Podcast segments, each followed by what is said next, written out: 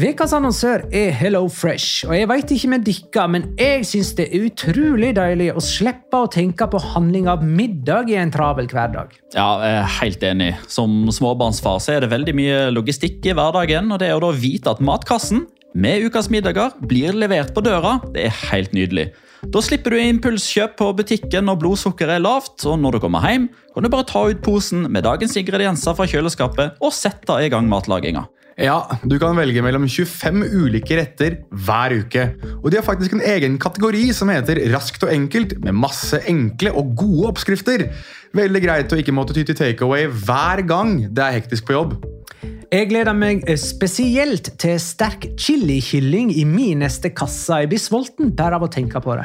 Ja, Det er ikke feil med bacon og cheeseburger heller, da. Og det som også er bra, er at matkassen koster det samme hver uke, som gjør det enklere å holde matbudsjettet. Ja, og så blir det ikke matsvinn heller, fordi du får akkurat det du trenger til hver eneste rett. Hello Fresh kan absolutt anbefales, og bruker du koden vår, LIGALOCA, kan du få opptil 1779 kroner i rabatt på de fem første matkastene hvis du ikke har prøvd Hello Fresh tidligere. Du kan også prøve koden hvis du har avslutta abonnementet ditt for tolv måneder siden eller mer. Gå inn på hellofresh.no og bruk koden LIGALOCA. Bon appétit! Hallo? Jeg kommer fra Oslo politikammer. Ine Jansen er purk. Er du purk? The motherfucking bitch. Alt jeg vil, er å finne ut hva som skjedde med mannen min. Jon Carew. Er jeg sikta for noe? Iben Akeli. Det er du. Ole So, Lars Berrum og Big Daddy Karsten. Hvem sin side er du på, egentlig? Anette Hoff, Tone Danielsen, Kommer du fra Afrika? Jørnis Josef, Nesten. Kløfta. Trond Espen Seim. Det er synd å si det, men det var feil mann som døde. Purk. Premiere tirsdag på TV2 Play.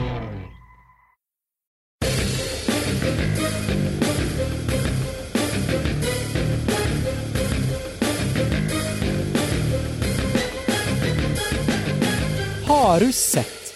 Det ser ut til at La Liga faktisk klarte det. Og pakka sammen sesongavslutningen i én drøy måned med kamper 33 dager i strekk, pluss litt til. Nå er vi i den avgjørende veka, og dette mesterskapsformatet ser ut til å ha passa Real Madrid ypperlig. Alt er i deres hender. La liga loca. En litt gærnere fotball.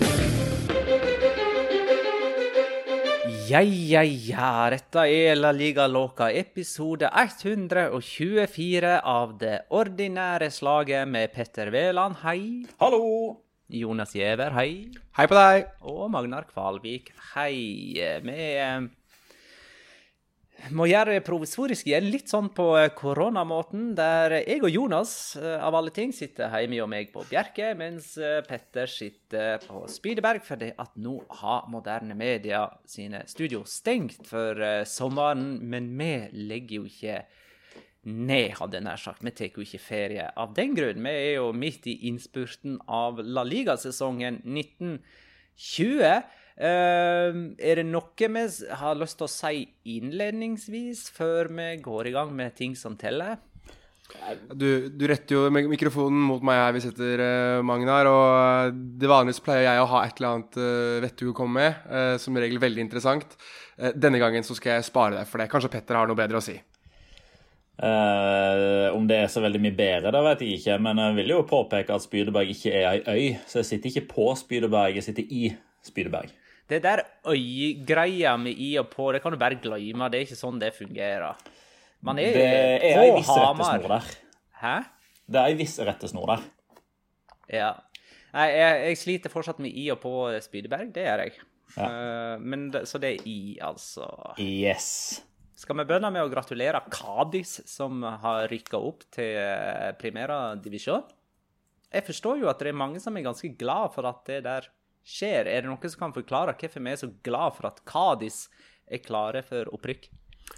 Um, Ta og Sett på litt jo- sånn der eh, uts, uts, uts, uts i bakgrunnen når Jonas eh, skal forklare noe.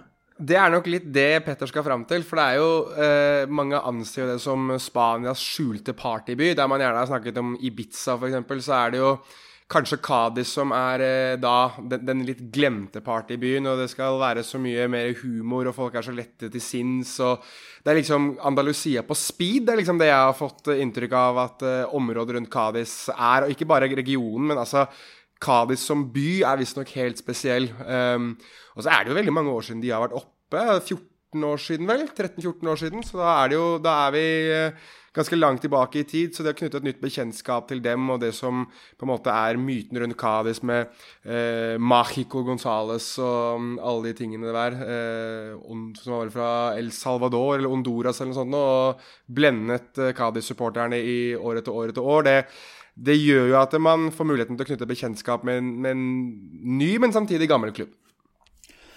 Så bare for å legge til de, Det er jo ikke så lenge siden de var i Segunda B heller, så de føyer jo seg egentlig inn i ei rekke av klubber som har kommet litt sånn fra det store intet, eh, og så på kort tid blitt med i det gode selskap. Petter? Ja, og i en av de første sesongene de var i Segunda B, nå i den siste perioden som du refererer til, så var det jo òg eh, en hårsbredd fra å rykke ned til Tercera. Det var jo virkelig, virkelig krise der. Jeg lurer på om det var bare halvannen, halvannen kamp igjen av sesongen. På et tidspunkt så var de under streken. Men de, eh, de redda seg. Og det som, er, liksom, det som er den store forskjellen fra Kadis og Leganes, eh, Uesca, Eibar eh, Det er jo at dette her er jo en klubb som faktisk har litt tradisjoner. Ja, det er lenge siden de var oppe sist. Det var vel i 2005-2006. Eh, men det er en klubb som har stor standing, som kommer fra en ganske stor by. 20 000 på stadion. Så jeg gleder meg veldig til å få Kadis tilbake igjen. Og så feirer jo de opprykket med å signere Alvaro Negredo, så han er jo tilbake òg. Ja, de har vel antageligvis eh, sett hva som skjer når en nyopprykka andalusisk klubb signerer en eh, gammel storskårer. Da blir det nødvendigvis ikke så jækla mange mål på den storskåreren, men uh, da har de en mann som går i krigen, og som vet hvor, hvor skapet står. Jeg tenker da på Granada og Roberto Soldado, for de som lurte på det. Ja, og selv om Soldado ikke har bøtta i mål for Granada, så, så er de jo med i europadiskusjonen. Så da kan vi jo forvente Cádiz der da neste sesong, med seks mål av Alvaro Negredo. Spørsmålet er jo hvem er det som plukker opp Dani Guisa? Noen må jo hente Dani Guisa. Han spiller jo ennå, da. Han spiller jo vel i Tercera, hvis jeg husker helt feil. Uh, og Der har han jo nylig fått ny kontrakt også, og har vel blitt en sånn vandrende reklame for ølmerket Cruz Campo. Så dette er jo, det lover godt å få han Skal vi satse på at eh, Ja, skal vi håpe at kanskje Sevilla, som skal inn i Champions League, tar med seg Dani Guisa inn dit? Det hadde vært fantastisk. Det, det som hadde vært enormt kult, var jo om Elche uh, hadde rykka opp via playoff, og så hadde de beholdt 40 år gamle Nino og signert Dani Gisa. Så hadde de hatt et spisspar på nesten 80 år. Spørsmålet er om Alvaro Negredo òg er moden for Tercera-divisjon. Men han får nå i alle fall spilt for primæra. Bak eh, Cádiz kjemper Uesca, Almeria, Saragossa og Girona om den andre opprykksplassen, med to kamper igjen å spille i Segunda. Og så er resten av divisjonen i kamp om den siste playoff-plassen. Bortsett fra de som allerede har rykka ned, og det er vel Racing Santander. Og Extremadora. OK. Ja. ja. To stykker som er nede, resten kan rykke opp. Ja, Segunda er altså så spinnvilt. Altså, Sporting Chichon spilte jo i går. Eh, det var en av de siste kampene i den 40. serierunden. Hvis de hadde tapt den kampen, så hadde de vært involvert i nedrykksstriden. Men de vant, og er da involvert i playoff-opprykksstriden. Så jeg overdreiv, men bare litt, faktisk. Ja, bare bitte litt. Og, og, og Malaga som uh, ligger på 15.-plass og bare er tre poeng over nedrykksstreken. De har sluppet inn minst mål av alle. Tre mindre enn Cádiz, som allerede har rykka opp. Og Malaga har fortsatt lag. Så vidt. De har fortsatt lag, så vidt det er. Men de er usikker navnet på vedkommende. Men det var jo en melding som vi fikk dunkende inn på La Liga Loca-kontoen om at de har signert, de fortsetter å signere unge talenter til lengre kontrakter. Altså de i hvert fall håper på å få avkastning med tiden. Eh, Nå kommer jeg ikke på navnet på vedkommende, men eh, vi har i hvert fall fått noen tweets om at, det, om at de fortsatt faktisk klarer det å det mesterstykket å, å høvle inn nye talenter, til tross for at de har vel brakkere økonomi enn Spantax. Så Det er um, ty tydelig at det er noe positivt å hente der, men jeg synes jo uansett at det er spennende å, liksom for å legge enda mer vekt på hvor uh, spinnvill Segunda er. Altså, Cádiz tapte jo mot uh, Fuenlabrada, som ligger utenfor playoff. Og det er jo uh, det at Saragossa tapte 2-4 som gjør at de har rykket opp. Så de rykket jo opp til tross for å ha tapt. Så det er um, det er en liga der tydeligvis alt kan skje denne sesongen. Da. Altså, for håper jo jeg, og det er jo selvfølgelig veldig partisk å melde, men jeg håper jo det at både Deportivo la Coruña og, og Malaga i hvert fall blir værende i Segunda. Men uh, de kan begge to gi hverandre en hjertelig god klem og hoppe direkte utenfor stupet, begge to, hvis det går ordentlig galt her. Jeg tror du refererer til Fredrik Alnes for øvrig. Det gir mening. Og eh, bare veldig kjapt om Fuenlabrada. Det, det er jo virkelig eventyrhistorien. og Rent personlig så har jeg blitt jeg har blitt litt lei av disse lagene som kommer rett opp fra Segunda B via en mellomsesong i Segunda. Altså Det holder med Eibar og Leganes eh, og Uesca, men kanskje bitte litt rom for en åpning der på Fuenlabrada, som spiller Segunda B for all, nei, som spiller Segunda for aller første gang i eh, klubbhistorien. Og nå er bare ett poeng bak eh, playoff. De har vel åtte-ni kamper bra uten tap nå. Og de spiller på Estadio Fernando Torres. Jeg må i hvert fall skutte inn da, at eh, jeg synes det er utrolig kjedelig med Wesca. Jeg synes Wesca er dritkjedelig. Jeg må være helt ærlig med dere. Altså, det er greit nok at uh, Eibar og Leganes, som Petter var inne på her, altså klubber som er sånn miniatyrklubber som får en, en eventyrsesong. Og nå hadde jo Wesca det i fjor, men nå ligger det liksom an til å rykke opp igjen. Og så har de hatt den der Operasjon Oikos-greiene som har pågått der, og det er liksom kan dere ikke bare holde dere borte? Bare drit i å rykke opp, liksom. Det er heller eh, Saragossa og kanskje Almeria også. Nå har ikke de med seg Guti opp, da, men uansett, de har jo en, annen, en, eller annen, en eller annen modell som står på sidelinja der, fikk jeg med meg. Det var noen som stilte spørsmål rundt hvem det der egentlig var. Eh, fordi han så mer ut som lord Farquad fra Shrek-filmene enn han gjorde eh, en fotballtrener. Så Eh, egentlig alt annet enn Wesca er jeg ganske happy med. Altså. Så, fordi Cádiz og Wesca det er litt grann som å ja, Teletubbies og porno. Det er ikke helt det jeg har lyst til. Der tror jeg vi setter punktum for Segunda-praten. Da har vi innleda en eh, La Liga Loca-episode med Segunda-prat. Det er eh, første gang.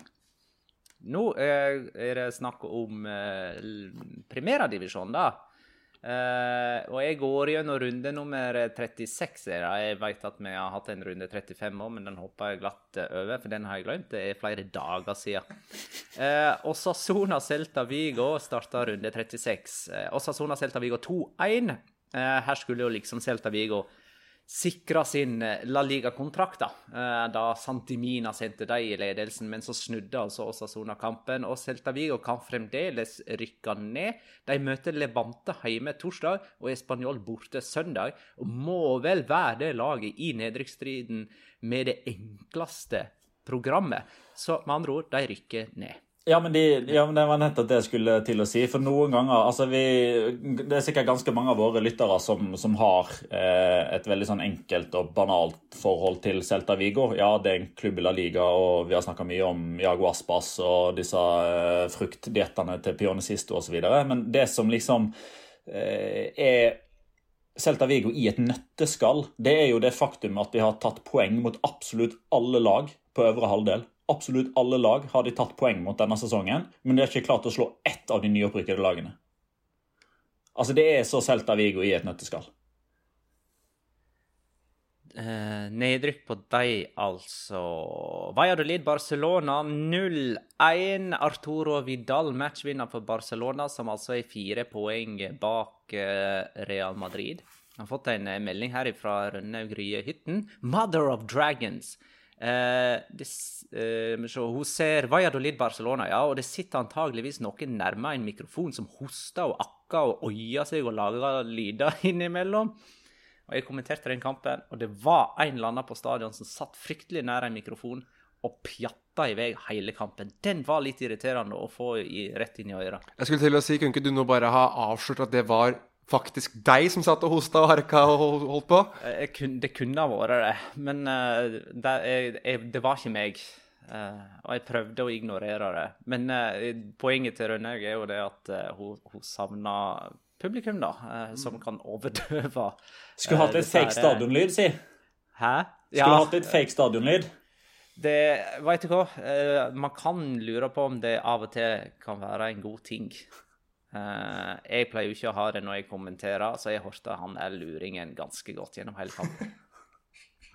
Atletico vi, vi, kan, vi kan heller komme tilbake til Barcelona litt senere. Vi må vel snakke nærmere om uh, selve tittelkampen, da, som eh, for mange ser ganske avgjort ut, men vi må snakke om det likevel. Så vi bare går videre for runde 36. Eh, Atletico Madrid, Real Betis 1-0.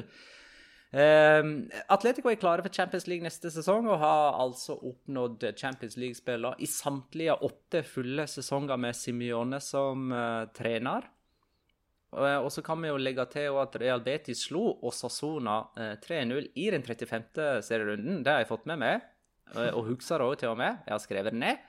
Eh, og med det så sikrer de seg La Liga-spill neste sesong. Jonas, du var jo litt bekymra på vegne av Real Betis, men de trengte altså bare den ene seieren.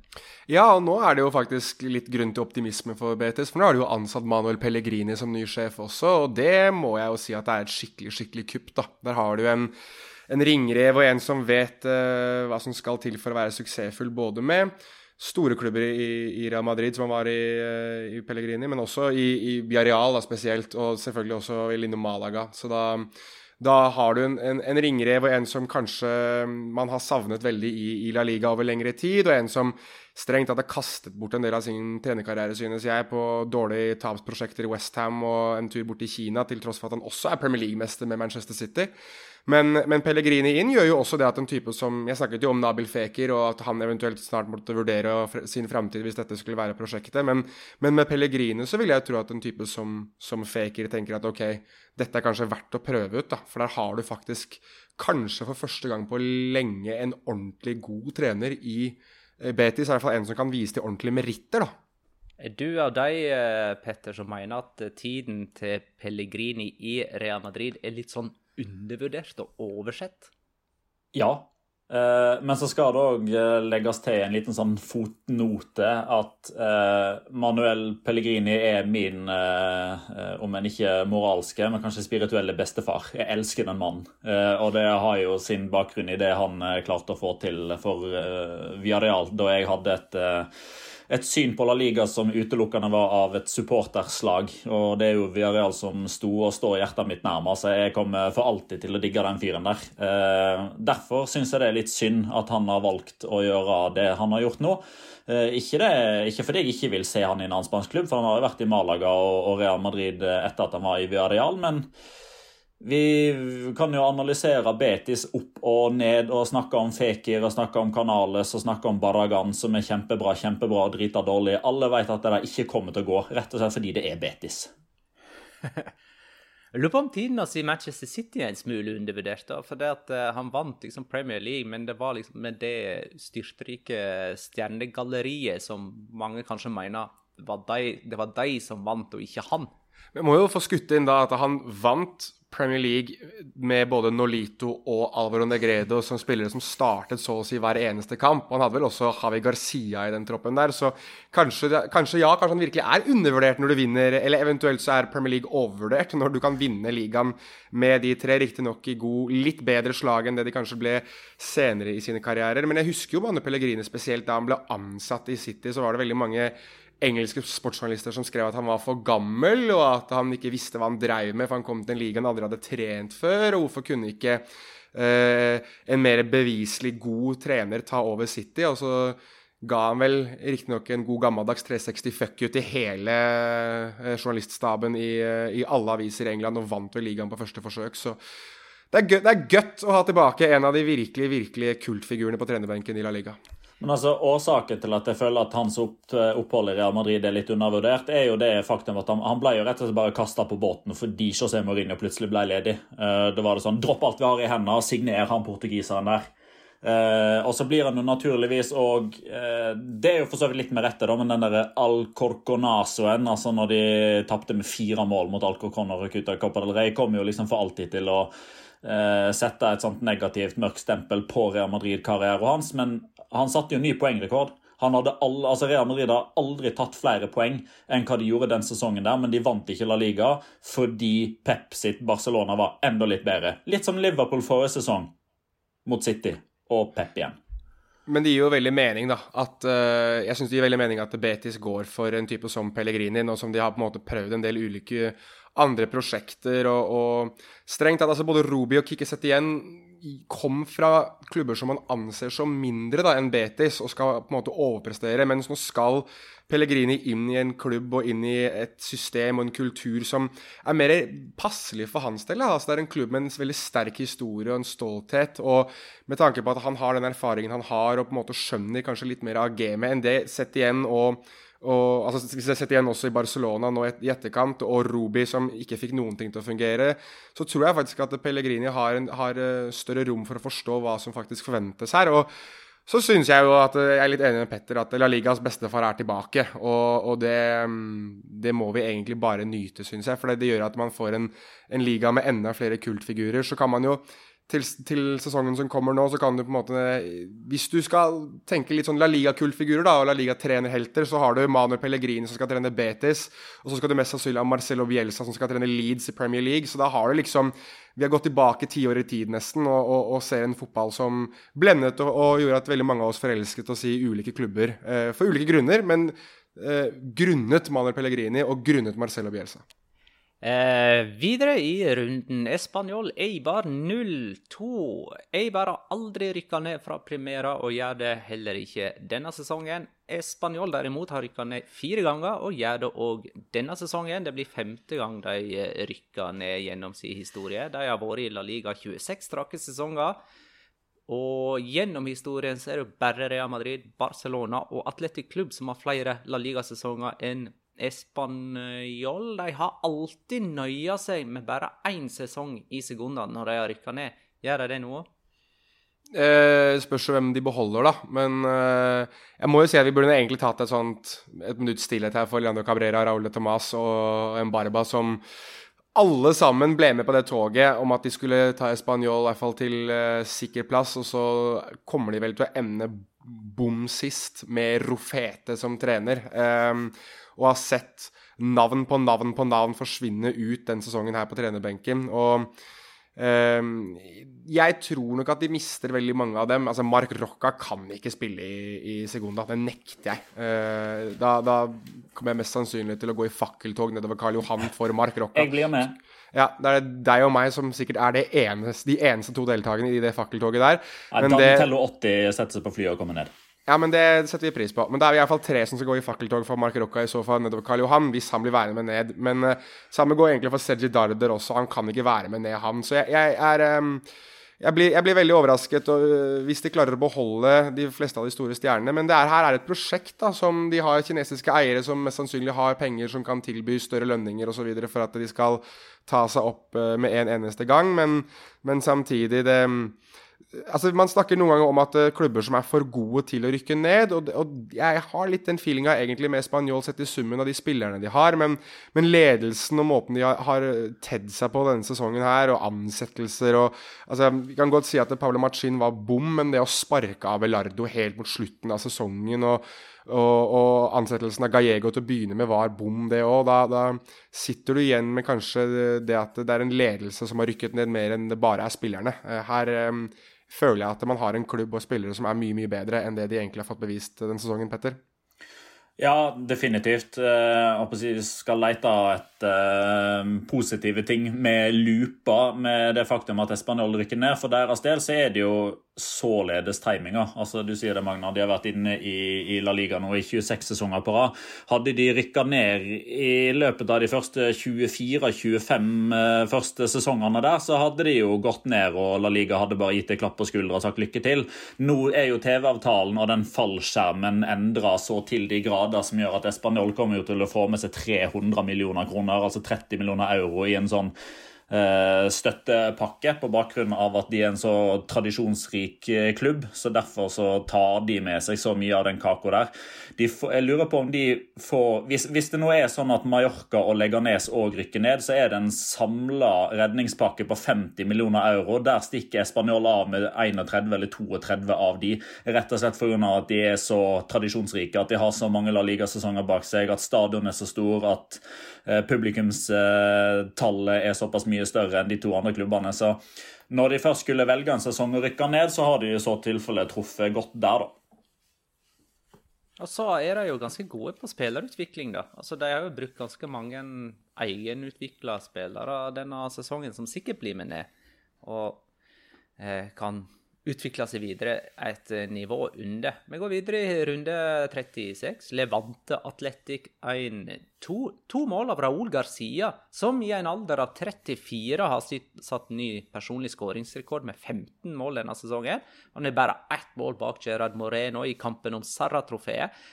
Eh, altså det å være mestskårende spanjol i løpet av en sesong. Og han er vel toppskårer i La Liga i 2020. Han skåra mer enn Messi siden nyttår. Han er i hvert fall toppskårer eh, post korona. Eh, kan godt hende at han er det i hele 2020 òg. Ja, det mener, det har jeg ikke rett for meg. det mener jeg at han er. Han er Jeg kan i alle fall eh, slå fast at han er det for andre halvdel av sesongen, altså fra og med runde 20. Det er jo fint, fint å se at du har en form for sånn Arid Sadoris tribute tour da, fra Raúl Garcia, som strengt tatt bare har tatt over litt for uh, den andre grand old man som har takket for seg i Athletic. Men altså, vi må jo skyte den her. altså, det er jo Den ene skåringen til, til Raúl Garcia er jo en lob slash chip-skåring som er alt annet enn det han er kjent for. da. Altså, Han er ikke noen sånn elegant spiller. Du forventer jo han skal mer altså, bulldose ballen i mål, men han, skal tydeligvis knekke nesa på seg sjøl og andre når han skårer mål, han.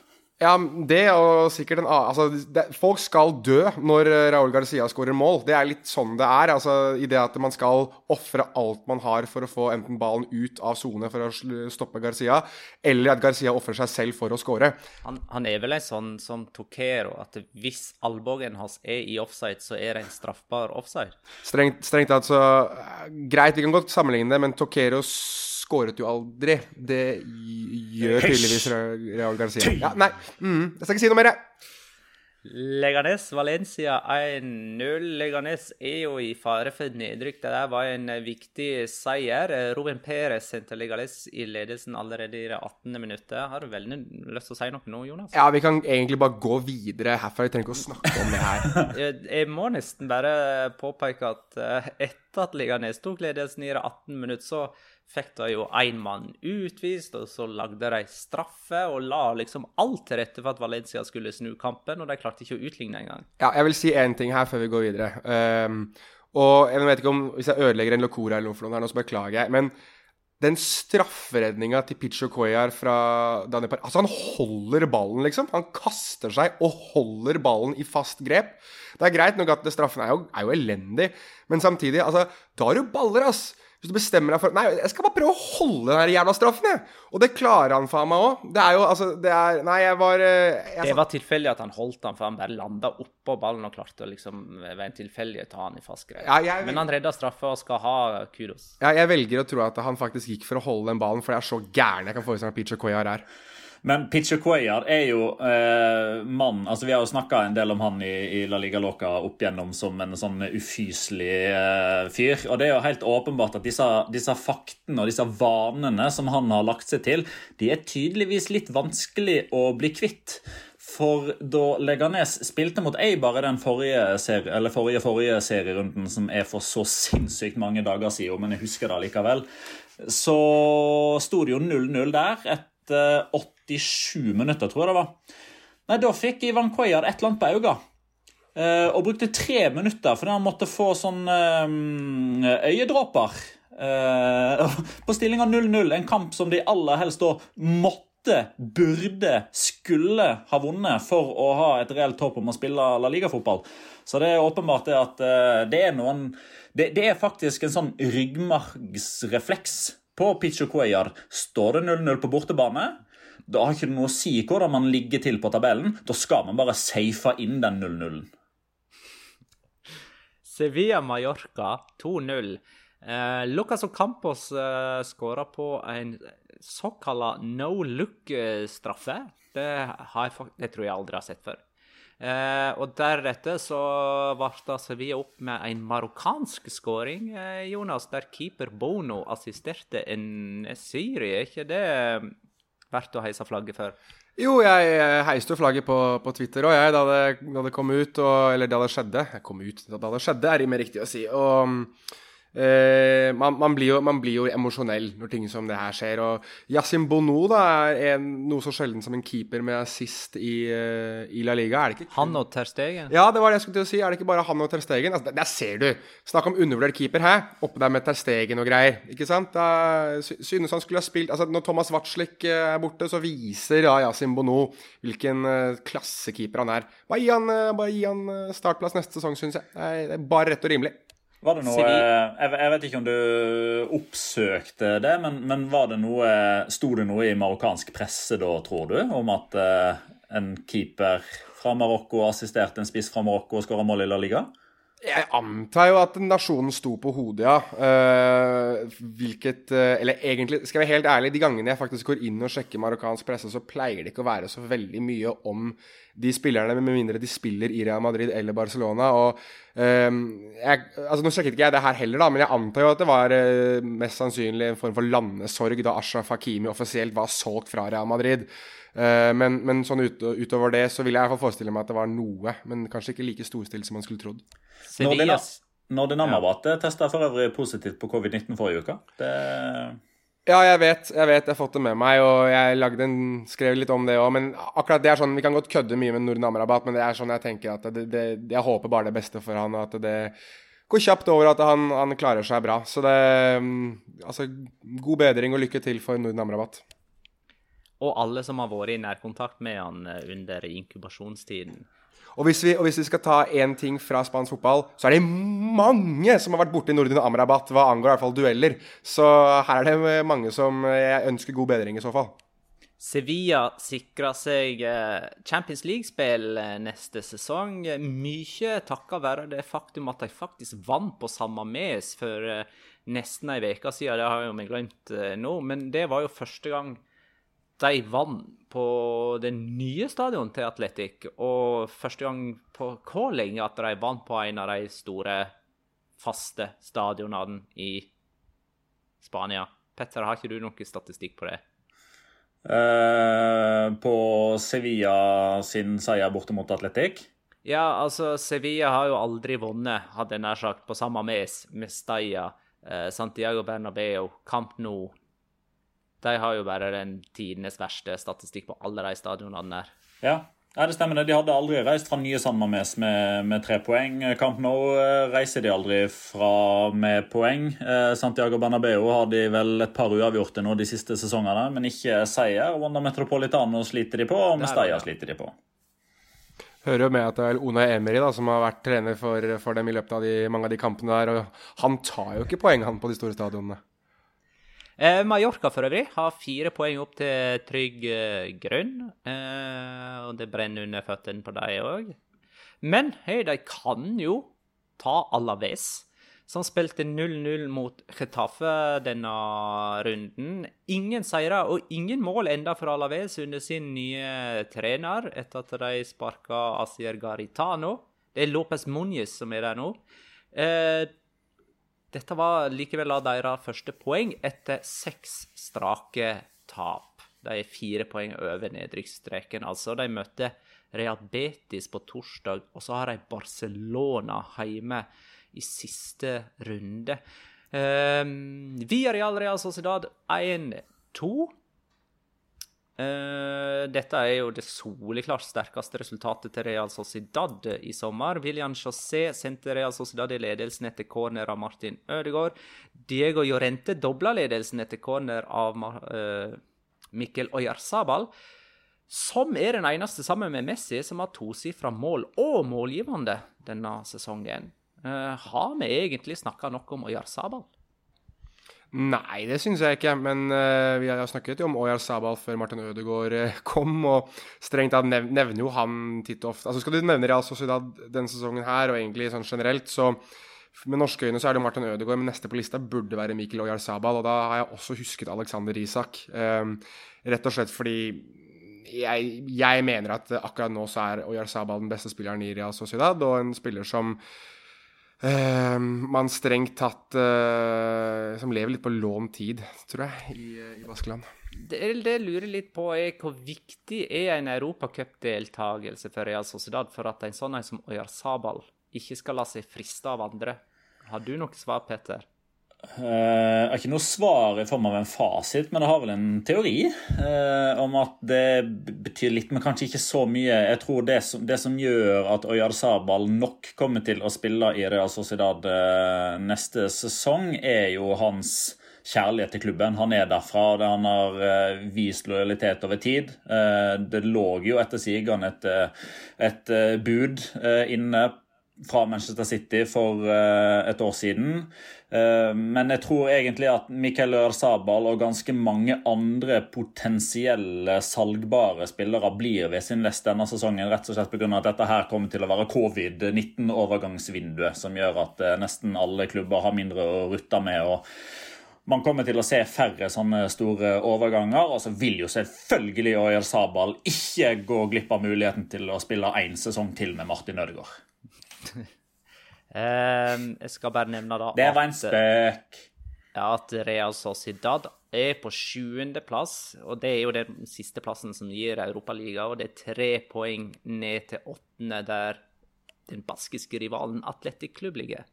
Ja, jeg ville bare skyte inn, som Peter nevnte Martin Ødegaard, så må jeg jo si det at jeg syns det var litt sånn faretruende, litt sånn ekkel nesten, å sitte og se han på benken da han ble tatt av banen med isposer rundt kneet, og han så ut som han hadde alt annet enn godt. Så jeg lurer litt på hvor mye han egentlig ofrer seg selv for å spille de kampene her, og hvor mye det kommer til å, å Kommer ikke på et godt norsk ord, så jeg sier det engelske. Taxa han eh, til syvende og sist. Eh, at han ikke klarer å Altså, hvis, hvis det kneet hans er et såpass stort problem da, som det virker å være, så skjønner jeg ikke helt hensikten med å spille. Eh, og da mener jeg, til tross for at de kan nå eh, Europa, så tror jeg at eh, de kan jo ha større ringvirkninger enn kun denne sesongen for Ødegaard sin del, hvis den kneskaden faktisk er så alvorlig som man spekulerer i at den er. Og jumpers knee er altså Som jeg sa, jeg sa sist episode, så, så snakket man i hvert fall om det en gang i tiden som karrieretruende. Så det det er sånn jeg på en måte anser det, da. Jeg satt og hørte på eh, Brede Hangeland for snart ei uke siden, var det vel. TV 2 hadde vel en studiosending på Real Sociedad sin kamp da mot uh, Granada, var det vel. Og Brede Hangeland har jo hatt dette sjøl og kunne jo snakka med erfaring. Uh, og sa at uh, si, det som man forbinder med jumpers knee når man har det, det er jo konstant smerte. At man tygger smertestillende. At uh, det i realiteten altså det det dreier seg om, er en betennelse rett nedenfor kneskåla. men at Sånn som jeg forsto det, da Hvis man løper, trener, belaster et jumpers knee, så er det ganske sjeldent at det blir mer alvorlig Eh, altså Det er egentlig bare graden av smerte og hvor mye smerte man ønsker å gå gjennom, som eh, bestemmer hvor mye eh, man egentlig velger å spille. Eh, samtidig så er det jo sånn at det, Dette var vi òg inne på sist, og dette er igjen bare sånn som man har hørt fra andre eller lest seg til, for de er jo ikke fysioterapeut eller lege eller har heller ikke hatt jumpers knee, men det er liksom ikke noe sånn vanntett Eh, behandling mot dette her. Altså, det som hjalp for Brede Hangeland, hjelper nødvendigvis ikke for Martin Ødegaard. Det som hjalp for Mats Møller Dæhlie, hjalp kanskje ikke for Rune Bratseth. Så det er veldig individuelt. Og i og med at det bare er to kamper igjen av sesongen, så ser jeg ikke for meg at uh, Martin sier nei, nå kaster jeg inn håndkleet. Han står i dette her de to siste kampene til, men så, inn mot neste sesong, så må man jo virkelig legge hodet i bløtt og prøve å finne ut av dette her. Uh, siden vi er på Via Real Real Sociedad, Jonas K. Lindgren skriver krysser fingrene for at Casorla tar ett år til før han uh, eventuelt uh, Eller av en eller annen grunn skal havne til, i Qatar. Er vi, heldige, er, vi så heldige at vi får han én sesong til i La Liga før han havner i Qatar? Nei, vi er dessverre ikke det. Casola er tapt. Det har eh, nok Viareal-supporterne forsøkt å forsone seg med og ta inn over seg. Eh, men han har vært såpass vag i alle uttalelser og i svar på spørsmål eh, hva angår framtida, at der er det lett å lese mellom linjene at her er det et eller annet som skjer. Eh, og Chavi og Casola kjenner jo hverandre. Det er jo Al-Sad det er snakk om, der Chavi er trener. Og ja, den avgjørelsen er nok tatt, men blir ikke offentliggjort før sesongen er ferdig. Dessverre. Jeg tenker jo at uh, det er utrolig synd for alle med interesse i La Liga og fotball generelt, egentlig, at Casola forsvinner fra, fra Spania. Men samtidig så tenker jeg at for en som har kjempet seg såpass tilbake og ofret så mye som det har gjort for å spille fotball, så unner jeg nesten litt det å ta et år der jeg mest sannsynlig kommer til å tjene seg søkkrik, da, eh, og få muligheten til å kanskje spille en fotball som ikke går like fort, og som kanskje er mer bekvem, og samtidig tjene sikkert kanskje dobbelt, kanskje til og med trippelt av det han tjener nå i, i Biareal. Det er jo virker litt kynisk, men samtidig jeg, jeg er en av de som ikke helt klarer å kritisere fotballspillere for å bestemme seg for å gå til klubber og land der de tjener mer penger og kan således være enda mer trygge, spesielt eh, på slutten av karrieren deres, hvilket Casola uansett er. Da hopper vi til den siste kampen i runde 36. Det er Granada-Real Madrid 1-2. Ni seire på ni kamper i sommer for eh, Real Madrid. Her vant de til og med uten å få straffe. Eh, Mendy og Benzema skåra hvert sitt eh, mål. Det var Mendy sitt første Real Madrid-mål. Og i offisielle kamper så er det nå bare Eder Militao av utespillere som ikke har skåra. For til og med Brahim Diaz skåra jo mot et Segunda B-lag i Copa del Rey.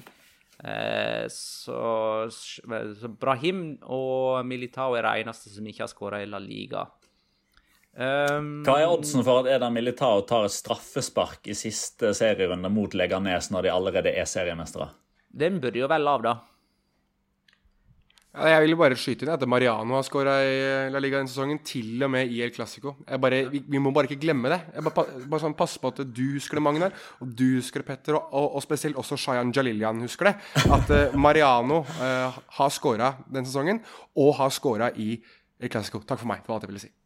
Ja, han brukte faktisk bare ett minutt, òg. og han trengte bare det. Han Real Madrid er fire poeng framfor Barcelona og vinner La Liga dersom de slår via Real på torsdag, og for så vidt dersom Barcelona ikke vinner sin kamp på torsdag. Så eh, da skal vi vel eh, bare være så kjipe og dele ut tittelen til Real Madrid med en gang, eller?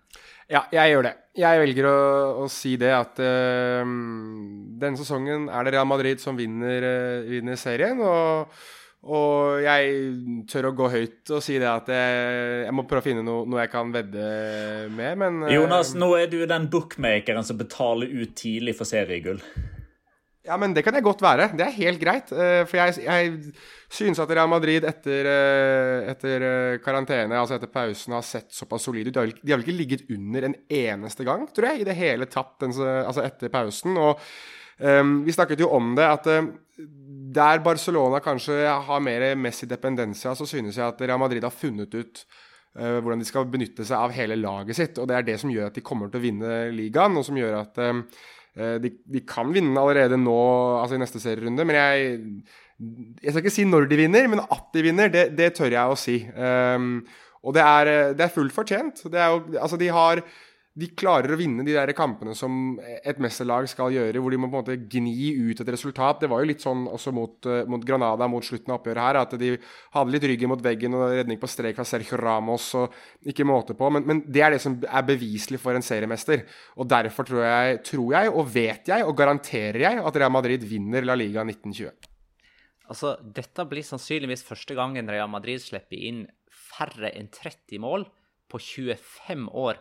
Og det samtidig som at alle forsvarere skåra, eh, bortsett fra Militao. da. Forsvarere har skåra 16 mål for Real Madrid denne sesongen. Og så kan man godt eh, liksom unnskylde det eller bortforklare det med at seks av dem er straffe av Sergio Ramos. Men tre av de straffesparkene er jo faktisk skaffa av Bekka. Altså, de, de har jo, det der forsvaret er jo liksom med både fram og tilbake og en enorm nøkkel for, til suksess for denne sesongen. Angrep vinner fotballkamper, og forsvar vinner trofeer. Er det den klisjeen du skal fram til? Ja.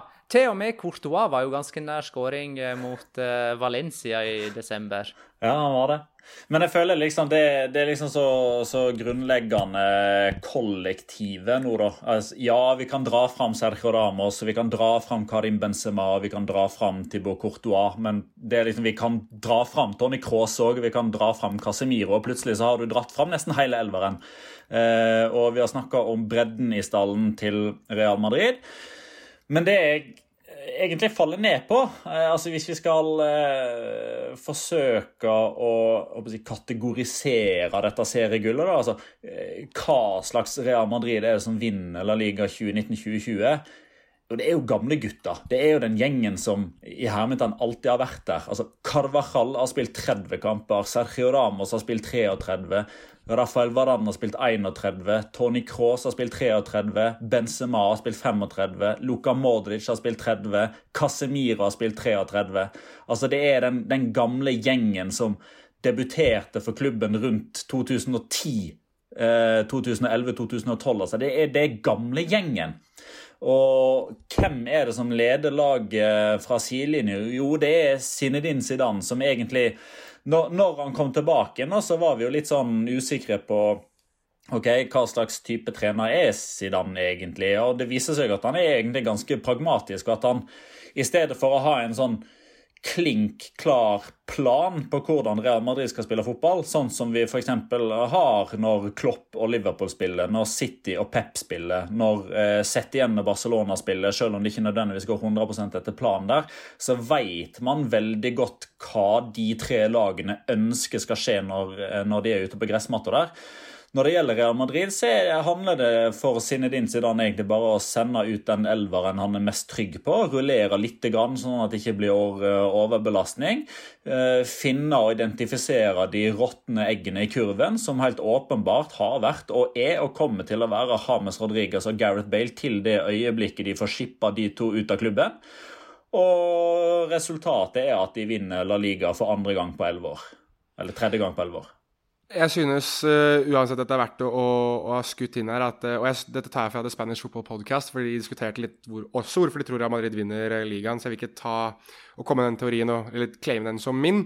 Men de sa jo det at Real Madrid fant seg selv når La Liga ble spilt litt som Champions League.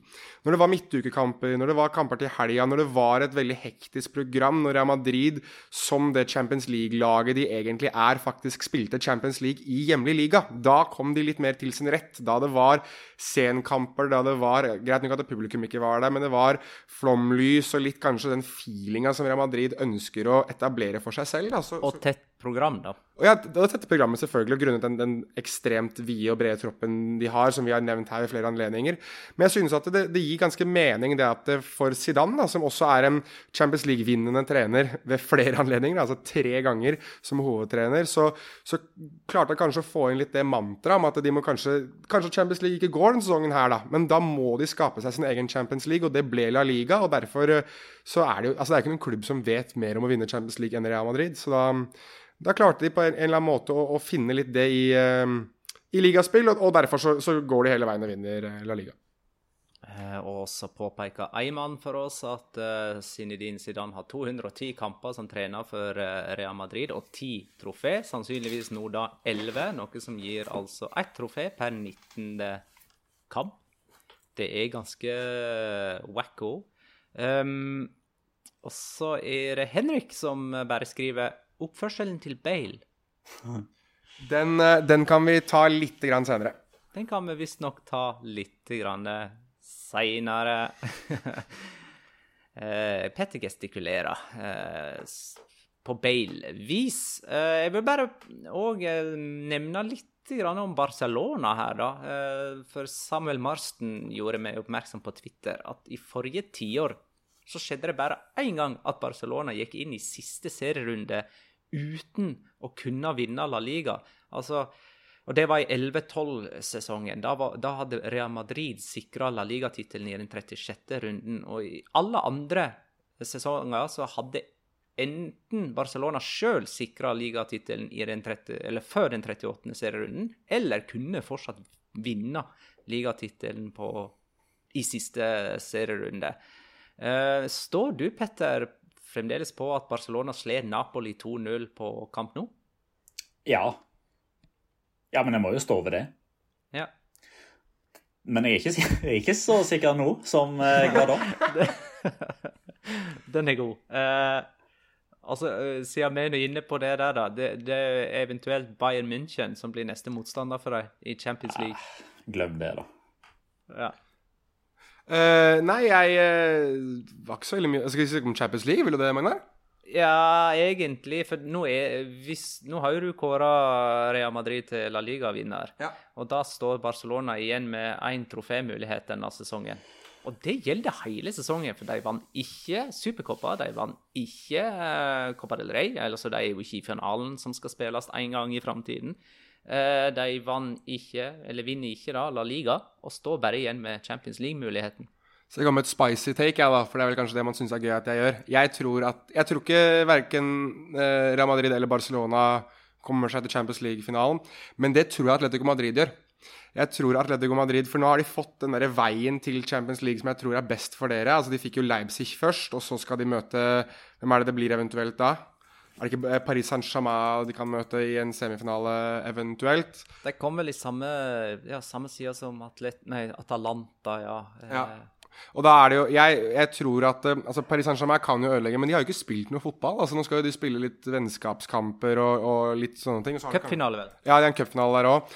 Atalanta er jo selvfølgelig litt sånn det er jo cowboylag, men det kan, det kan, gå for deres del. Og det hadde vært gøy hvis de gikk hele veien til finalen. Men jeg tror Atletico Madrid møter Manchester City i finalen. Um, og det hadde vært litt sånn uh, tragikomisk hvis Atletico Madrid endelig skulle vinne Champions League uten supportere.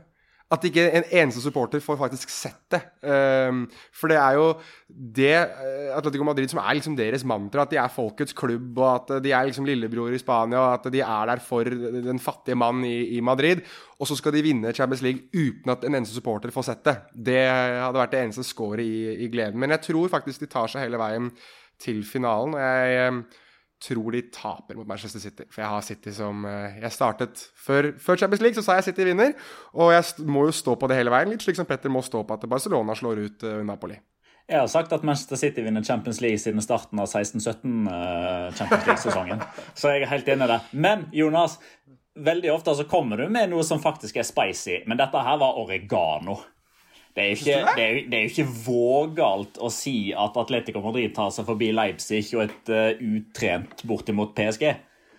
Nei, ok. Det Dette var kanel på risengrynskraut. Jeg tror vel at det er mer kanel på risengrynskraut hva det angår meg. Ja. For jeg har jo kommet med noe ganske mer pirri-pirri-krydder hva angår uh, å komme med hot takes. Men ja, ja. Det var, ja. det, var det, det, var det, jeg forventa. Når du sa at du skulle komme med noen spicy nå, så trodde du kom til å si at Barca kom til å gruse Bayern, og dette blir den store oppstandelsen og sånn.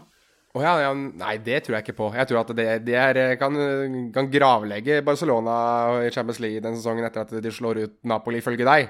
Så tror jeg det blir Bayern München. Og jeg tror, jeg tror ikke at Real Madrid snur mot City heller, for det er City som vinner hele bøtta-balletten. Så jeg må jo komme med noe som virker litt spy... Altså, kan jeg ikke få lov til å prøve meg litt grann på å komme med noe som høres litt grann mer heftig ut, da, og si at Atletico Madrid i hvert fall går til finale? Jepp, det er greit. Uh, Viljus uh, syns at uh, Suárez får ufortjent mye spilletid i Barcelona. Er dette siste sesong for El Pistolero? Og her skal dere få svare veldig kort. Jeg har jo sagt, har ikke jeg sagt det siden 16-17-sesongen, at det var siste sesongen til Luis Suárez? Så jeg må jo si ja nå. Uh, ja, nei, nå har jo uh, Chavi lurt uh, Santi Casola, så da er det vel ikke plass til Luis Suárez. Jeg tror han tar en sesong til. Du tek, uh, han du, Magne, en... du, ja. du må si det, du òg. ja, nei, jeg tror jeg en sesong til, jeg òg, altså. Nå er for øvrig Antoine Griezmann ute resten av La Liga-sesongen, dvs. Si denne veka. men er han tilbake til Champions League, eller? Ja, der, der har du sånn clickbait-variant. Ute resten av sesongen! Sesongen er ferdig om seks dager. Var ikke det ei på Twitter her om dagen, jeg lurer på om det var i går, uh, altså mandag, som skrev eh, Pep er ferdig i City med umiddelbar yes. Eh, virkning. Så var det en eller annen Pep i Birmingham City. Ja, Pep, Pep, det var han som var vikingtrener, det. Pep Clotet, ja. Som uh, var vel assistent eller noe til uh, Åge Hareide. Um, som jeg må ærlig innrømme at det er uh, ukas beste tweet. Det er tidenes clickbait, altså. Det må jeg bare si. Jeg, altså, jeg, jeg, jeg hadde lisensen for det. Ja, ja, og så blir det liksom enda bedre av at det står 'more to follow', og så tar det ett minutt, og så kommer linken til saken. Det var liksom ikke det at han måtte bruke en time på å skrive saken. Saken var ferdig, den. Han skulle bare ha en sånn skikkelig clickbait. Men eh, er vi egentlig igjennom uh, alt vi trenger å gå igjennom? Eh, nei, uh, jeg syns jeg vil i alle fall bare eh, jeg, konstatere det faktum at etter uh, koronapausen så har eh, Lionel Messi og tre andre spillere spilt samtlige minutter av eh, La Liga-fotballen. Og Messi er fortsatt skikkelig, skikkelig god. Nå er det veldig viktig at folk ikke misforstår meg her. Eh, fordi han har slått ni målgivende pasninger og satt ny personlig og La Liga-rekord i så henseende. Men han har bare skåra til han tre mål. To av de er straffer. Det eneste spillemålet Messi har post covid, var 4-0-skåringer borte mot Mallorca. Og nå er han bare tre mål foran Karim Benzema. Så jeg setter vinduet bitte lite grann på gløtt for at det kan bli en fransk toppskårer i La Liga denne sesongen. Der tok du faktisk min uh, Locora, så da, da, da sparer vi Da trenger ikke å ta den uh, i uh, det segmentet. Hadde du noe du skulle si, Jonas? Ja, jeg hadde det. Nå, nå kan jeg nesten ta det hvis du skal inn dit, men, eller inn på det på Locora, men sånn clickbait-ish, så har du jo nå La liga-eksperter enes Messi aldri vært dårligere. men jeg vil si en ting til deg, Magna. Ja, vær så god. Unnskyld. nei, nei. nei, nei. Eh, dette er, Vi lager podkast for lytterne, og ikke for at jeg skal få svi av en god eh, locora. Eh, men har vi eh, Jeg føler for å nevne at Granada fortsatt har en teoretisk sjanse for Europacup. Eh, det er mulig vi har toucha innom det.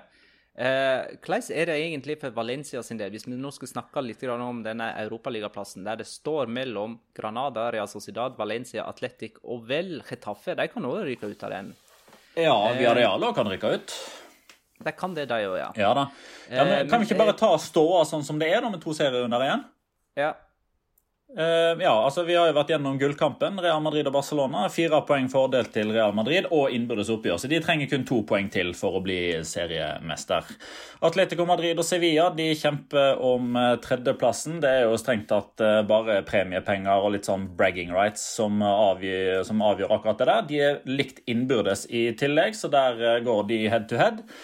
Um, og det er det heller ikke alle som har fått med seg eller husker, men uh, cupfinalen i Spania denne sesongen er jo utsatt på ubestemt tid, så den Copa del Rey-plassen inn i Europaligaen, den fins ikke. Derfor er syvendeplassen uh, sammen med sjette- og femteplassen en billett inn i neste sesongs Europa League. Og Villarreal eh, ligger jo veldig godt an. De trenger jo enten bare ett poeng til, eller at ikke alle lagene bak tar full pott. Eh, Retafe og Real Sociedad ligger på sjette- og syvendeplass med 54 poeng. Tre poeng ned til Atletic, fire poeng ned til Valencia og eh, Granada. Der er det jo masse eventualiteter og innbyrdes oppgjør og trippel innbyrdes oppgjør hvis det blir tre lag på samme poengsum osv. Men det som er bra i hermetegn for oss som ønsker så mye spenning som overhodet mulig. Jeg er jo eh, leder, nestleder, formann og økonomiansvarlig i den klubben der. Eh, det er jo at det er Sociedad som ligger best an, har det vanskeligste programmet. For de møter nummer tre og nummer fire. De har Sevilla hjemme og Atletico Madrid borte, så den er overhodet ikke kjørt. Også i nedrykksstriden er det jo Celta Vigo Alaves som har fire poeng ned til Leganes og Mallorca. To av de fire skal ned. All right, da er det tid for Locura! Ukens La Liga Locura. Locura. Locura. Locura. La Liga Locura. Men da kan jo jeg eh, egentlig begynne med at eh, Messi bare har skåra to mål på siste åtte kamper, og begge de har kommet på straffe. Og vi fikk jo en tweet her fra en tid tilbake fra Markus Wilhelmsen apropos det at Modric er så god eh, om tiden, eller for tiden, så skriver jo han er det Modric sin vante mesterskapsform vi nå er vitne til.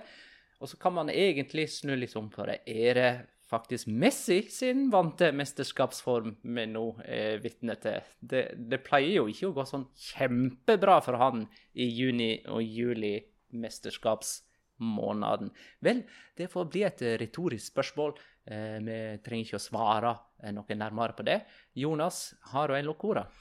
Det har jeg, og jeg hintet litt mot det. Og Petter har gestikulert litt som Gareth Bale uh, underveis her. Og, og uh, altså Disse bildene som dukker opp av Gareth Bale nå, først mot Alaves, der han uh, satt med altså munnbindet tok han for øynene da Karim Benzema skulle ta straffe. altså Det er mange som har eh, hevdet at det var mot slutten av kampen at han kjedet seg såpass. Det er jo feil. Han gjorde jo det for å på en måte gjemme litt vekk det at eh, han var nervøs. Og så hadde du det at han satt og gliste da Uh, var vel Brahim Diaz, vel, ja, som ble byttet inn på overtid som det siste byttet for Casemiro da han ble sittende igjen på benken som en sånn hånlig gest mot Zidane. At ikke engang der blir han byttet inn. Og så var det nå da underveis hvor han hadde fått seg en dorull som han satte og så lagde kikkert med sammen med hånda si ved siden av Areola blant annet på benken mot Granada. Altså det, er mye, det er mye ablegøyer og mye spillopper og sånn rundt Gareth Bale. og, og selvfølgelig, det blåses jo opp stort i Spania, og jeg leste en, eh, en kommentar nå i, i Marka om at altså Er det dette du skal liksom sitte igjen med? Altså Er det det som skal være ettermælet ditt, og du sitter og oppfører deg som en gjøgler på benken, liksom? Um, og på en måte så Jeg har vært veldig kritisk til Gareth Bale og hans dedikasjon til uh, Real Madrid og til fotball generelt sett uh, de, de, siste årene, men nå har han blitt så kødda med og så mye harselert med i spansk presse at jeg, jeg syns nesten det er litt sånn oppofrende og litt kult ja, at han nesten bare driter litt i alt sammen nå. Altså, når dere snakka så mye dritt, så her skal dere få, ass. Vær så god, bare ta det. Her skal jeg sitte og kødde og holde på. Og jeg tror at Bale har jo blitt kritisert for å ikke komme inn i kulturen til Real Madrid, ikke forstå litt det at han skal være den store stjerna. Men jeg tror bare at dette her er, er, er, beviset på det at Gareth Bale er ikke en type som har lyst til å være hovedrollen. Og nå, når han da også prøver å og kanskje være litt mer jovial, så ser det selvfølgelig dritdumt ut, for de forventer at han skal være annerledes. Men locoraen her får være det at Gareth Bale er Gareth Bale, og det må vi nesten bare bli vant med. Og, og så får vi egentlig bare nyte det at han nå egentlig bare mater det der eh, mediebeistet i Spania med stor vigør, og til stor humor for resten av oss andre. Så hyll, hyll Gareth Bale. Det var en Bale-representant som sa til han at Gareth Bale vet at det alltid er et kamera som bare filmer han gjennom en hel kamp, selv om han sitter på benken. Så Bale ønsker bare å holde kameramannen varm, sånn at han har noe å jobbe med. Dette. Uh, min Locora er eller var egentlig den uh, spinnville situasjonen uh, for ei uke siden i oppgjøret mellom Sevilla og Eibar. Uh, jeg vet ikke om du fortsatt husker den, Magna? Men... Jo, det husker jeg faktisk. Når du ja. sier det. Men for, hadde... den verdt, for, den er verdt å huske. Ja. for da fikk jo altså uttrykket 'matchvinner i begge ender' fikk jo en ny betydning. og no look straffe har jo kommet opp eh, i lyset her nå. Vi, vi må jo bare ta rennafart og takke Lucas Ocampos for alt han gir oss. Eh, han er jo en locora i seg sjøl. Uh, uten tvil og uten diskusjon, i mitt sinn iallfall, den beste signeringa uh, denne sesongen her. Altså den som har gitt best avkastning. Uh, og det som skjedde i oppgjøret mellom Sevilla og Eibar, var jo først og fremst at han skåra kampens eneste mål. Eh, men på overtid så ble jo Sevilla-keeper eh, Thomas Watzlik eh, skada, og alle byttene var blitt gjort. Tsjekkeren måtte av banen, og, og Campos meldte seg tidlig kart til tjeneste for å vokte buret. og Da gjensto det fortsatt fire-fem tilleggsminutter, fordi tida gikk jo når Thomas Watzlik lå nede og fikk fikk behandling. I løpet av den tida der så hadde keepertreneren til Sevilla egentlig bare gitt han ett råd, og det var uansett, uansett hva som skjer, bli på strek eh, når det er dødball. Bli på strek. Ikke gå ut i feltet, ikke ut og rot, ikke ut og bli helten. Hold deg på strek.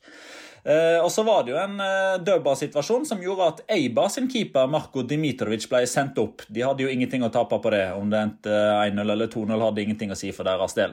Og Dette ender jo med uh, at denne dødballen uh, slås inn i feltet. Du ser på reprisen at Ocampos han er på vei ut. Han skal bokse den ballen så langt ut av stadion som han klarer. Men så kan man jo antageligvis stå på dette ene rådet han fikk, så han tar noen steg tilbake igjen, blir stående på strek. Ballen faller ned rett foran Eibar-keeper Dimitrovic, som avslutter. Lukas Campos redder. Og de scenene som utspilte seg etterpå, de var rett og slett bare helt nydelige. Um, da må vi tippe. Uh, og nå er jeg veldig usikker på hvilken uh, kamp vi egentlig skal ta. Uh, forrige kamp var i alle fall Getafe Villarreal. Den ble spilt uh, forrige onsdag.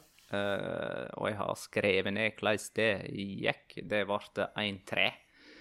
Uh, og jeg hadde 1-2 med Heime Mata som første målskårer. Det gir meg ett poeng. Jeg har 31. Petter hadde 1-1 21 med Heimemata som første målskårer. Det gir null poeng. Du har 26.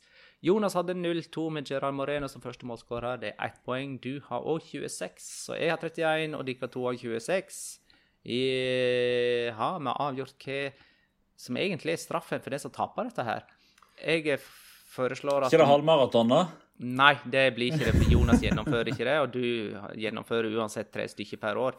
Eh, Jeg foreslår at hey, jeg man, må til, man må tilbringe en hel mandag i en sånn dinosaur-outfit. Ja, jeg, jeg er med på å kle seg ut eh, eller noe sånt. Det er jeg veldig med på. Jeg, jeg må i hvert fall skutte inn eh, dette med halvmaraton, for det er mange som har tvitret meg om det. Og jeg må bare få sagt det at jeg har jeg, Sist sommer så la jeg meg i trening for å gjøre det, men det er Altså, det er et eller annet med venstre hamstring som knoter seg opp hver eneste gang. Jeg har vondt der nå, i sittende stund også, så har jeg vondt i hamstringen. Jeg har gått til fysio. Jeg har fått sjekket meg til og med med MR på hva det egentlig er, for jeg lurer selv på hva det er. Men man finner tydeligvis ikke noe sånn ordentlig godt svar på det. Men hver gang jeg løper over lengre strekninger, så begynner den hamstringen å vri seg opp noe helt sinnssykt. Jeg har stoppet før det har gått ordentlig gærent. Så til, til de som har lurt på det, jeg har prøvd å gjennomføre. Det vil seg ikke, så jeg har gitt opp. Men eh, den gangen du faktisk kan springe, så foreslår jeg at du springer en hel maraton, så foreslår jeg de to halvmaratoner du skylder oss eh, i, én sleng. Ja, den er grei. Hva er neste kamp, da? Jumpers thigh? Ja, riktig. Uh, Jumpers hamstring? Det er helt riktig. Neste kamp. Skal vi si Nei, skal vi ta torsdagsrunden eller søndagsrunden? Samme det. Eh, Real Sociedad Sevilla onsdag kveld. To torsdag kveld. Skal vi, skal vi, være, skal vi være Siden nå er det jo 26-26 mellom uh, meg og Petter. Altså Magnar er jo i uh, Han er jo Real Madrid her, da. Vi kan utrope Magnar til vinner her. Uh, og skal vi være såpass på at vi prøver å tippe At vi tipper én kamp, men vi må også tippe på noe, noe ekstra som kan være en form for tiebreaker eh, mellom meg og Petter. Altså eh, et eller annet ja, nei, der vi står, står hvert i vårt, eller noe sånt. Altså, hvem, er det som, hvem ender på eksempel, hvem ender på tredje- og fjerdeplass? Altså, nå står eh, Atletico og Sevilla på lik poengscore. Sevilla skal møte eh, båndlaget Valencia i siste serierunde, og uh, altså det, det må jo bli noe sånt, da, tenker jeg. Hva tenker du, Petter? Vi må finne en form for tiebreak her. Ja, men da må vi jo passe på at vi ikke tipper det samme i tiebreaker, da. Nei, men jeg, jeg, jeg kan være den som Siden jeg ligger dårligst an, kan vi si, eller har ligget dårligst an, så sier jeg det at Sevilla går foran eh, Atletico Madrid. da For nå er det Atletico Madrid som ligger foran, og har vel også innbyrdes på Sevilla. Nei, den er lik. Ja, Men for svarte, da? Uavgjort i begge kamper. Dette får vi ta på bakrommet, altså. Vi tar Real Sociedad Sevilla torsdag klokka 21. Jeg sier 2-1 og Oyarzabal som førstemålsskårer. 1-1 Ocampos. 1-2 og Satan, da. Ja, da må jeg Tror faktisk ikke han spiller. Nei, han gjør ikke det. Eh, jeg, jeg må faktisk si Lucas Ocampos, jeg også, for alt annet gir ikke mening. Men jeg har jo i hvert fall ulikt resultat, da. Hva var det du sa resultatet var? 1-2. 1-2 var det, ja. Og Ocampos. Ja. Da vil jeg bare få loggført at hvis det ender 1-1 eller 1-2, og Ocampos blir første målskårer, da er det likt på toppen.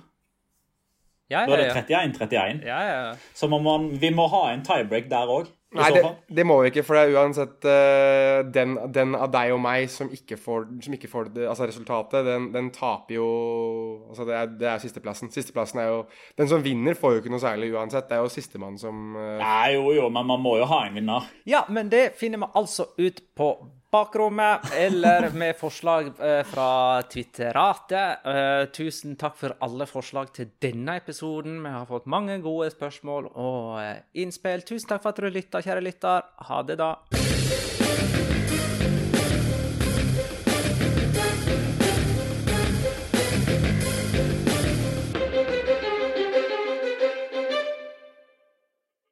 Har du et enkeltpersonforetak eller en liten bedrift? Da er du sikkert lei av å høre meg snakke om hvor enkelt det er med kvitteringer og bilag i fiken, så vi eh, gir oss her, vi. Fordi vi liker enkelt. Fiken superenkelt regnskap.